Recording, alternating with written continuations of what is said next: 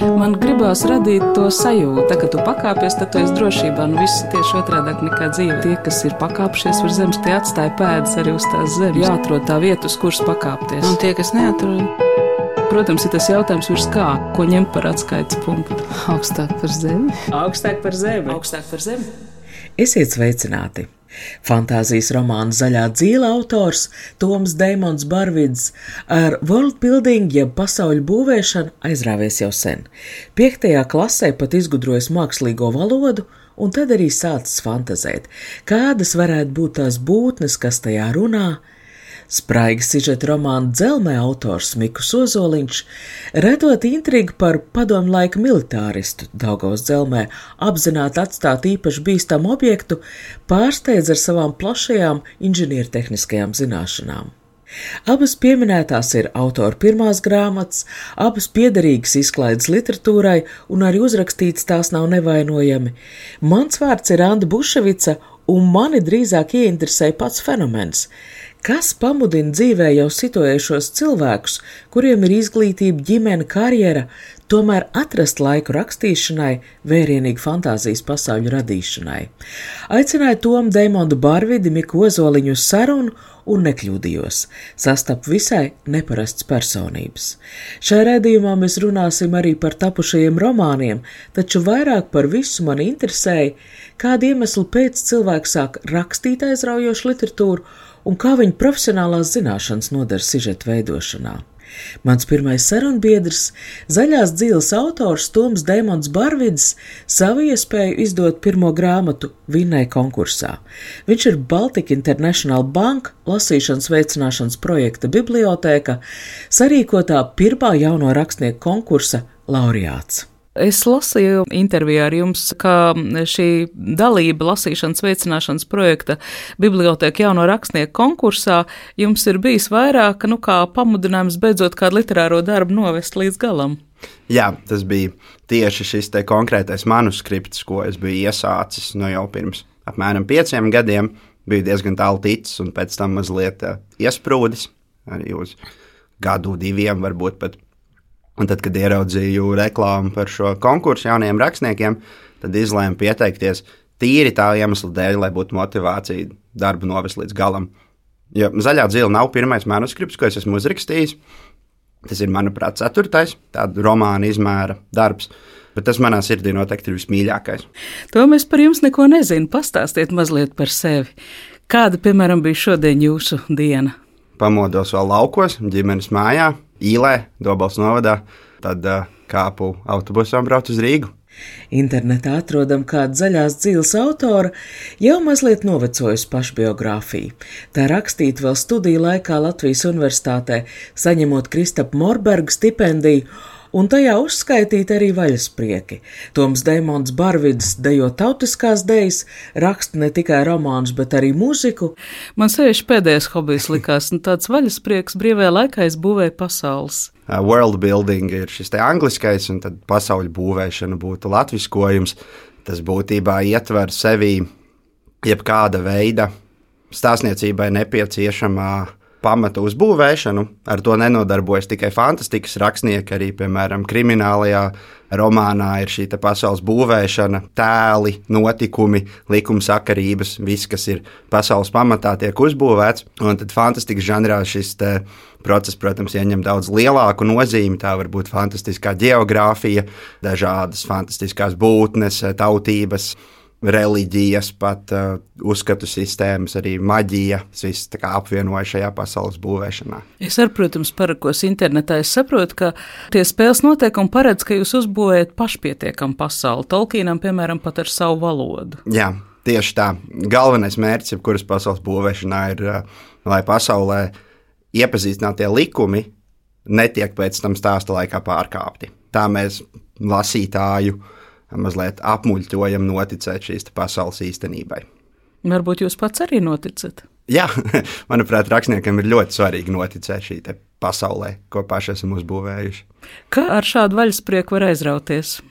Man tas pašam sākās arī jau tieši pēc pieminētā Tolkiena. Gradzenu pavēlnieku izlasīšanas mani ārkārtīgi fascinēja gan šī pasaule tāda, kāda viņa tiek pasniegta pašā grāmatā, gan arī šī nojaušamā vēsture, kas netiek izlikta stāsta priekšplānā, bet lasot, tu jūti, ka tam visam apakšā ir pamats. Un tā skaitā arī tās valodas.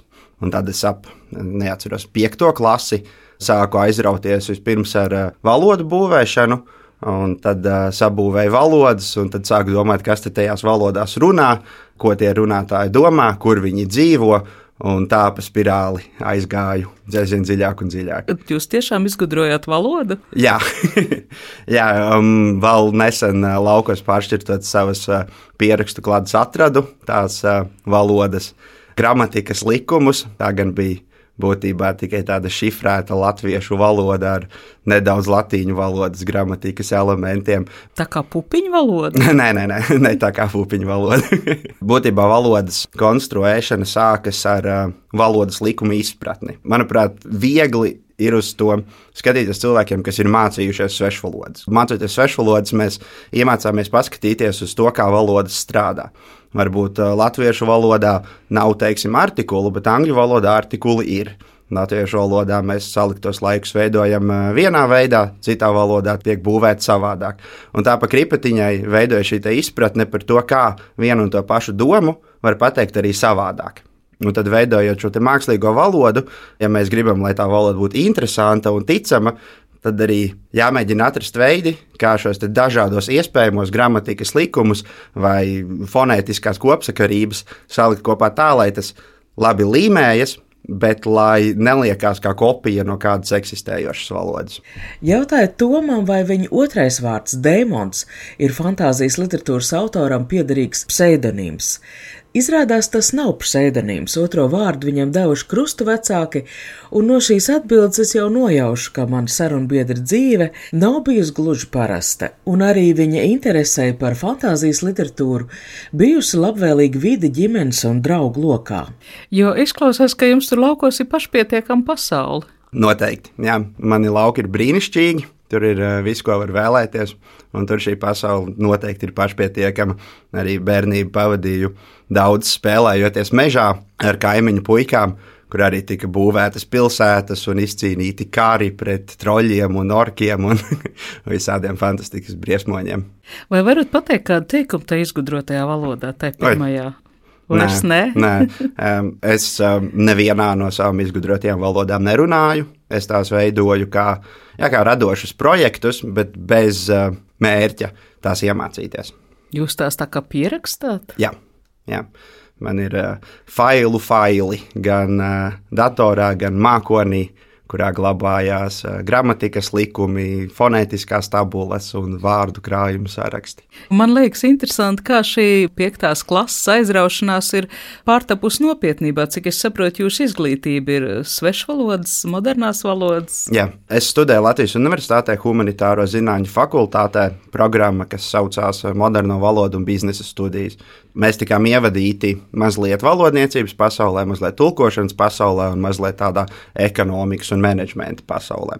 Ja, studējām valodas, mācījāmies, kā mācīties valodas, kā par valodām runāt. Manā gadījumā tās bija angļu valoda, kas bija studiju valoda, tad vēl franču valoda, kas bija mana universitātes pirmā svešvaloda, un zviedru valoda, kas bija universitātes otrā svešvaloda. Kad es jautāju, kāda ir jūsu ikdiena, es jau gribēju zināt par jūsu profesiju, ar ko jūs nodarbojaties tad, kad nedzīvojat tajā zaļajā dzīvē vai lauku mājās pats savā valstībā. Ikdienā es strādāju IT nozarē, esmu Circle K biznesa centra darbinieks, strādāju par tādu kā vidutāju starp uh, biznesa cilvēkiem un uh, īstiem IT cilvēkiem. Kā. Pats es neesmu programmētājs, bet es abām pusēm palīdzu saprast, ko vajag, kā vajag, kad vajag. Bet tas atkal ir ļoti interesanti. Jūs tad arī šo tehnoloģiju jomu uztverat kā vēl vienu valodu. Jūs strādājat par tulku. Jā, tā varētu teikt, jā. Vai jums ir dombiedri? Es zinu, ka ir dažādas tādas kustības, kur cilvēki nu, izspēlē spēles vai pārģērbis.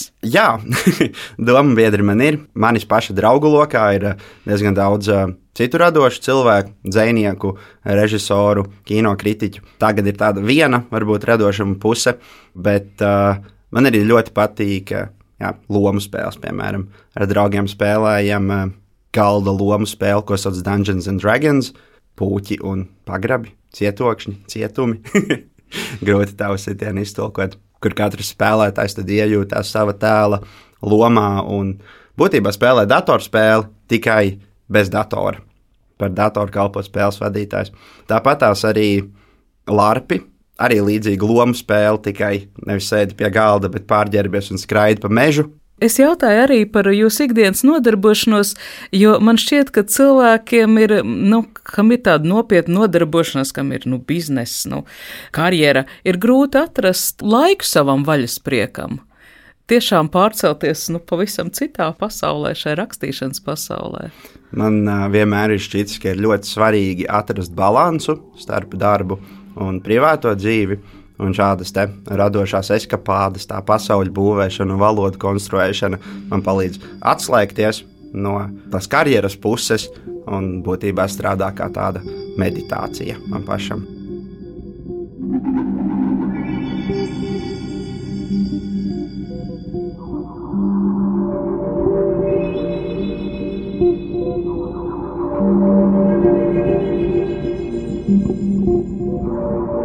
Mērķis uzbūvēt pašpietiekamu fantāzijas pasauli, romānā Zaļā dzīve izpildīts godam. Tīrum ļaudis dzīvo naidīgi bezdebeņu malā, šis bezdebens ir zaļā dzīve, kurā viss notiek pēc saviem nekontrolētas audzelības likumiem. Savukārt tīrum ļaudis savu dzīvi mēģina kaut kā organizēt. Viņiem ir rakstotāji, kur zemē ievelk zīmes, pēc kurām tad arī viss notiek. Vārmi tāda apdzīvot vieta, kur zemē? À, tiešām nezināju. Tā ir sakritība. Bet uh, mazliet ironiski, jo šie ļaudis, kas dzīvo tajā pasaulē, šajā nabadzīgākajā daļā, arī tā skaitā paši vārmieši, vismaz daļēji rakstot par šo pasaules daļu, es iedvesmojos no Baltijas jūras austrumu krasta. Ir diezgan daudz valodniecisku atsauču somugru valodām, it sevišķi uz igauņu un lībiešu. Tāpēc tas, ka tāda vieta vārma ir kurzemē, tas mani laikam nepārsteidz. Es domāju par to, cik svarīgi tas, lai nu, tādā pilnīgā fantāzijas pasaulē vienlaikus būtu ļoti ticams lietas. Es pats, protams, daudz lasu, īpaši šajā fantāzijas žanrā. Es zinu, cik ļoti grūti ir sākt lasīt grāmatu, kur jau pirmajās lapas pusēs lasītājiem uzmet kaudzi ar uh, nesaprotamiem, izdomātiem vārdiem. Un tāpēc arī rakstot zaļo dzīvi, es centos šo izdomāto pusi savīt kopā ar jau mums pazīstamāku pusi, lai lasītājiem ir vieglāk ievesties pasaulē. Tieši šajā grāmatā ir arī diezgan izteikts šis nodalījums starp tām divām pasaules daļām, starp zaļo dzīvi, šo mūžīgo mūža mežu un tīrumu, kurā dzīvo cilvēki.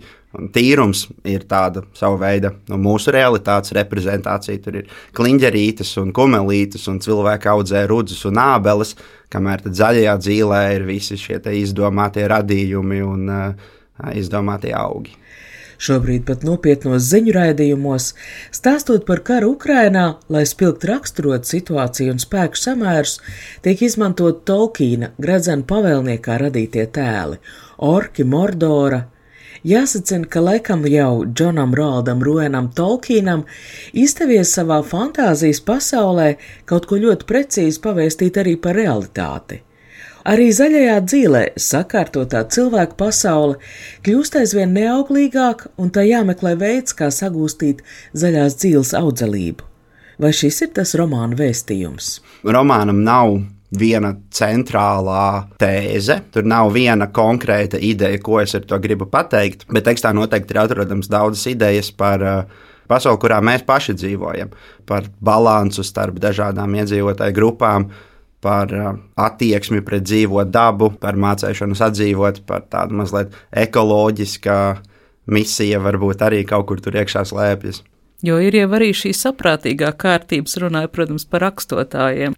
Rakstotāji ir tāda sava veida programmētāji, varētu pat teikt, kas ir iemācījušies šo neauglīgo tīrumu padarīt cilvēkam patīkamāku. Kāda visā tajā ir nu, rituāla, maģijas vieta? Jūsu pasaulē vismaz nidāšu ciltī šie rituāli notiek. Maģijai tajā pasaulē ir ļoti centrāla loma. būtībā viss, kas notiek pasaulē un visu tēlu dzīve, griežas ap maģiju, lai gan liela daļa tēlu to varbūt apzināti nesaprot. Būtībā vienīgais iemesls, kāpēc tīrumā vispār dzīvo cilvēki, ir tikai pateicoties raksturošanas maģijai. Un šī raksturošanas maģija dažādu tautu izpratnē arī atklājas mazliet savādāk. Mēs redzam, kā vārmā vai arī raidā ir šie rakstotāji, kā viens no galvenajiem tēliem Hauko ir vārmas rakstotājs, kam ir savi rituāli, sava pieeja rakstošanai. Un jūs pieminētie nīdāši savukārt izmanto to pašu maģiju, tos pašus pamatlikumus, bet jau ar savādāku pieeju. Ja vārmiešiem šī pieeja maģijai ir uh, apzinātas tradīcijas, tradīciju ievērošana, caur šo tradīciju arī kaut kāda efekta ienešana fiziskā pasaulē, tad dīnāšu skatījums uz maģiju ir jau daudz reliģiskāks. Viņi izmanto maģiju, lai sazinātos ar pašiem saviem dieviem un it kā ienestu šo dievu gribu fiziskā pasaulē. Romāns Zaļā dzīve izaudzis no fantāzijas literatūras lasīšanas, un tas arī sekotās labākajiem kanoniem un tradīcijām.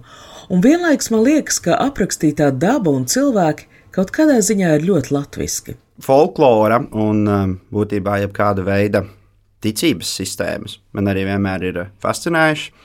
Bērnībā viena no mīļākajām grāmatām bija seno grieķu mītu krājuma zelta aunāda. To es lasīju no vāka līdz vākam.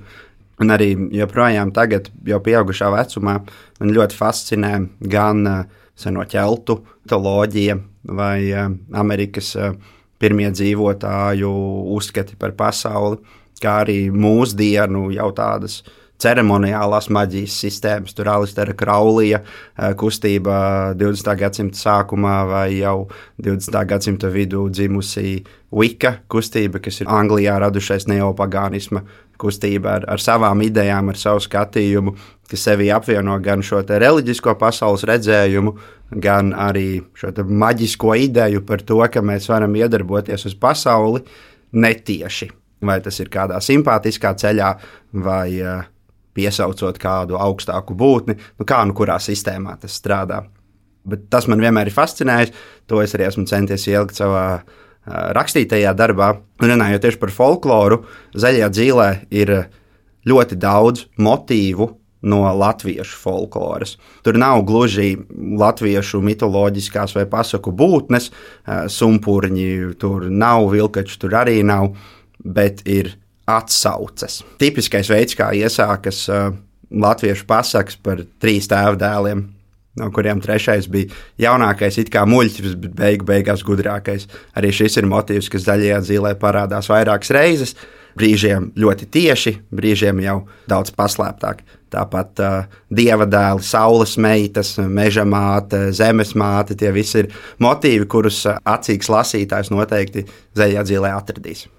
Kad man radās ideja par šo raidījumu, mans jautājums bija, nu, kāda vieta rakstīšanai, šādai pasaules izgudrošanai ir nu, mūsdienu cilvēku dzīvē. Un es klausos jūsu stāstījumā, un man liekas, ka tā ir sava veida intensīva garīgā dzīve, prātošana par pasaules likteņiem tādos lielos mērogos, un varbūt arī tā ir kaut kāda no nu, reliģiskās dzīves tā nozīme, ko viduslaikos bija reliģijai, nu tagad mūsdienās caur kultūru īstenojas.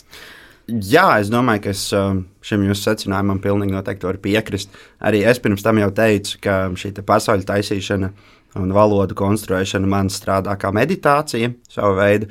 Un es domāju, ka no tādas meditatīvas pieredzes solīts līdz mītiskai un pat uh, reliģiskai pieredzei tomēr ir ļoti maziņš.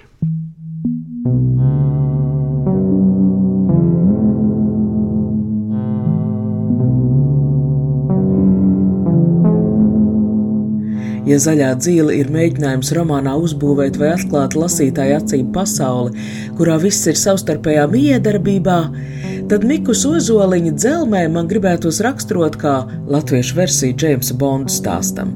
Arī šajā romānā notiek pasaules glābšana, drauds ir augstā kara mantojums, kādreizējo padomju Savienības militāra struktūra atstāts bīstams objekts, kas paslēpts Daugaus dzelmē un nejauši aktivizēts, varētu iznīcināt galvaspilsētu.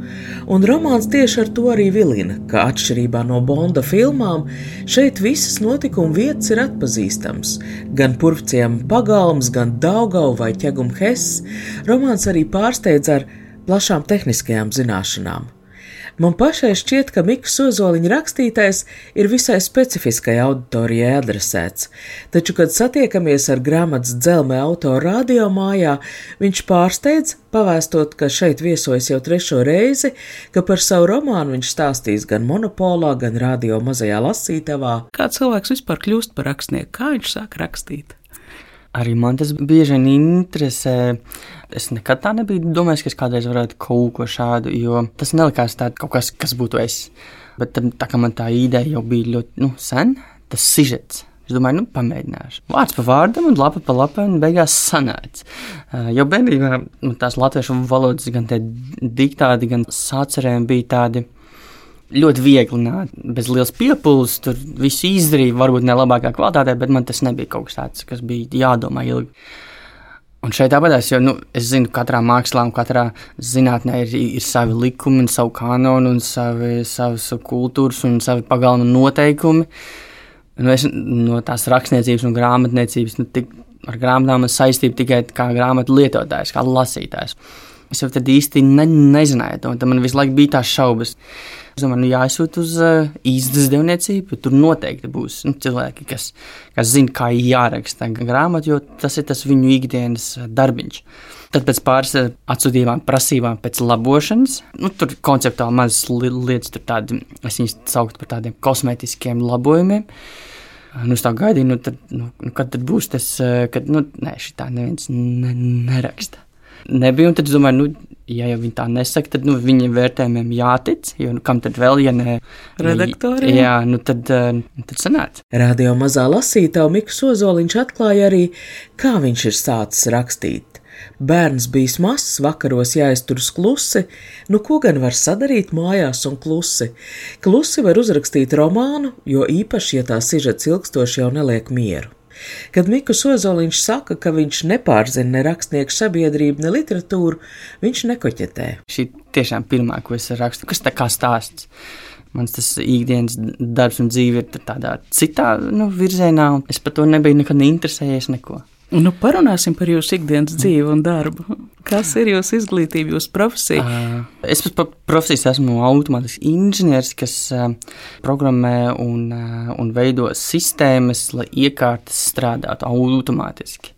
Varat kādu piemēru minēt? Liela konvejeru līnija, kurā piemēram, tiek šķirotas kastes automātiski bez cilvēkiem. Vai robotu rokas, kas paņem produktu no vienas vietas, viņu apstrādā, noliek citā vietā, tur savādākā ar leņķiem. Tad tas viss ir tāds bez tādas cilvēks viņus vada, bet viņš nedara to nu, darbu. Un tad, nu, tas tāds ar mhm. elektrību un ekrāniem. Un, nu, tāds. Tā ir IT joma, ja tā ir. Nu, Tagad jau esat mācījies. Esmu mācījies mehātronika, kas ir tāds trīszinību apvienojums, ka tev nu, jāpārzina mehānika, elektronika un datorzinības. Sakiet, uzbūvēt romānu, tur ir kaut kāda līdzība ar nu, šādu programmēšanas darbu, jo jums arī tā darbība sākas vienlaicīgi vismaz trīs vietās, ja tā jā, tad jā, jā. Vidzemes augstskolā Valmierā, kur tiek demonstrēta jauna tehnikas sasniegumu, jā. uz jahtas, kur cilvēks nolēma savā brīvdienā mm. izbraukt zvejā, Un eh, trešais ir eh, šis eh, specvienība, kaut kāda armijas, policijas iestāžu darbs. Vidzemes augstskola ir arī mana augstskola, tāpēc es viņu tā gribēju tādā gaismā pacelt, jo man ļoti patīk un pozitīvi vārdu atmiņas ir.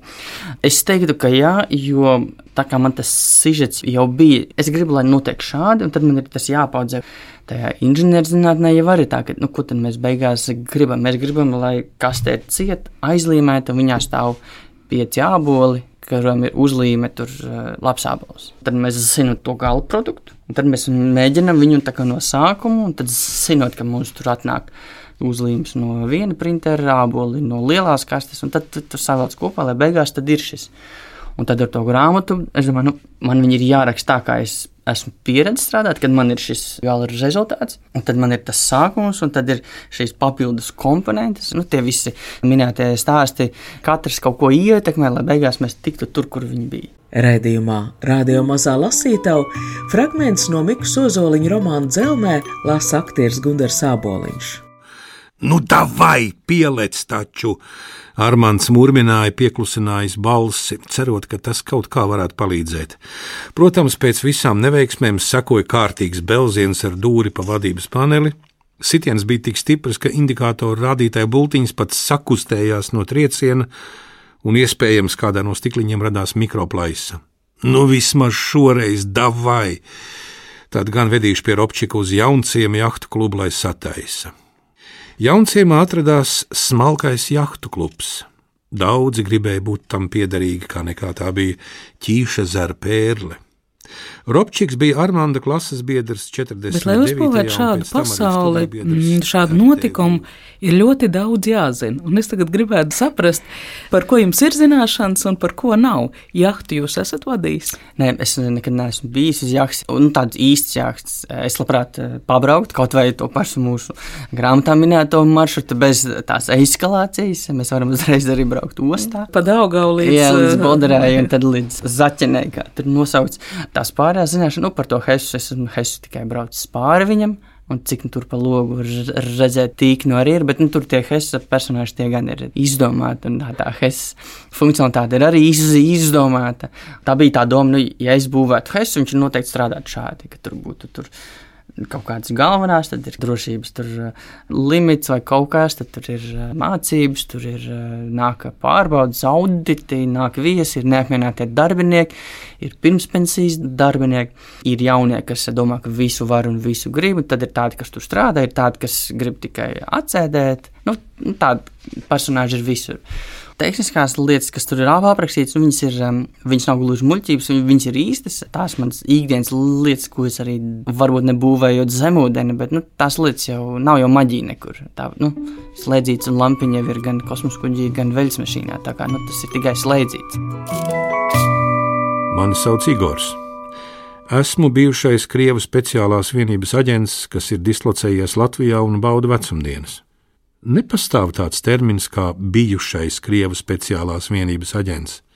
Runā, un Lācis vienu roku pielika pie jostas, kur atradās pistole.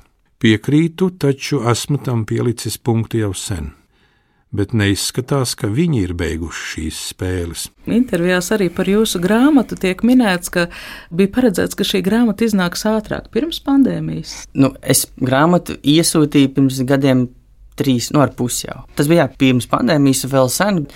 Vienkārši jūs esat trāpījis ar šo grāmatu drusku citā kontekstā. Jā. Gan, teiksim, kultūras dzīves kontekstā, jo ir bijis šis seriāls eh, pēc Andra Kolberga romāna Meklējot sievieti krimināla lietu iesācējiem, kur ļoti drosmīgi atziņa, proti, ka padomju drošības šīs struktūras nekur nav pazudušas, tikai aizgājušas pagrīdē. Un jūsu romāns it kā nu, trāpuši šīs pašas tēmas, nu, tas tāds skaļš apgalvojums. Nu, es neticu, ka tas viss tāpat vien uh, beidzās. Nu, bet par to jau runājot, cik gadus, nu, gadu gaitā klausoties raidījumus, tur skandālus, vēl kaut ko, vēl kaut ko. Nu, šeit, Eiropā, tuvāk, tālāk. Nu, arī tagad, uh, nu, nu, tur nekas neapstājas. Jūs nenosaucat nevienas grāmatas autoru, ko lasat, bet jūsu romānā ir minēta konkrēti radio raidījumi. Varbūt, jā. ka tieši raidījumi ir jūsu ziņas, ir jūsu iedvesmas avots. Ziņas, jā, raidījumi vēl jau vairāk, jā, jā jāatzīst, es ļoti daudz klausos uh, Latvijas radio viens, un, uh, un tas, ko uh, grāmatā, kur bija minēts par raidījumu kruspunktā, tas varonis um, justs, kad viņš nu, klausījies viņu tur vēlēšanās, svarīgos notikumos, tur prezidenta ievēlēšanās. Tas ir tīri mans tāds veltījums šim raidījumam. Es gribēju to arī savā grāmatā. Un, un, es sazinājos, un nebija pretenziju. Tad, eh, tad, eh, jā. Spraigs sižeta romānā Dzelmē ir šāda epizode. Romāna sižeta notikums komentē Latvijas Rādio 1 raidījums Krustpunktā, un autors patiešām arī palūdzas atļauju Krustpunktā vadītājiem Aidim Tomsonam un Eduardam Liniņam izmantot savā darbā viņu vārdus raidījumu nosaukumu. Jau tiekoties radio mājā, Miks Ozoliņš nosmēja, ka gaidot priekštālpā viņš nu pat saticis savu romānu romāna varoņus. Es no savas puses savukārt nospriežu, ka romāna autora dzīve ir daudz interesantāka nekā mums pārējiem. Ar zaļās dzīves autoru Tomu Deimondu Barvidi un dzelmē autoru Miku Ozoliņu sarunājās Anna Buševica, šī raidījuma skaņu operators Valdis Raitums. Tā, kad tu pakāpies, tad tu esi drošībā. Nu, viss ir tieši otrādi nekā dzīve. Tas ir tā spēle, jā. Tie, kas ir pakāpšies virs zemes, tie atstāja pēdas arī uz tās zemes. Protams, ir tas jautājums, ko ņemt par atskaites punktu. Nē, nu, principā ir skaidrs, augstāk par zemi. Jāatrod tā vieta, uz kuras pakāpties. Augstāk par zemi. Augstāk par zemi. Augstāk par zemi.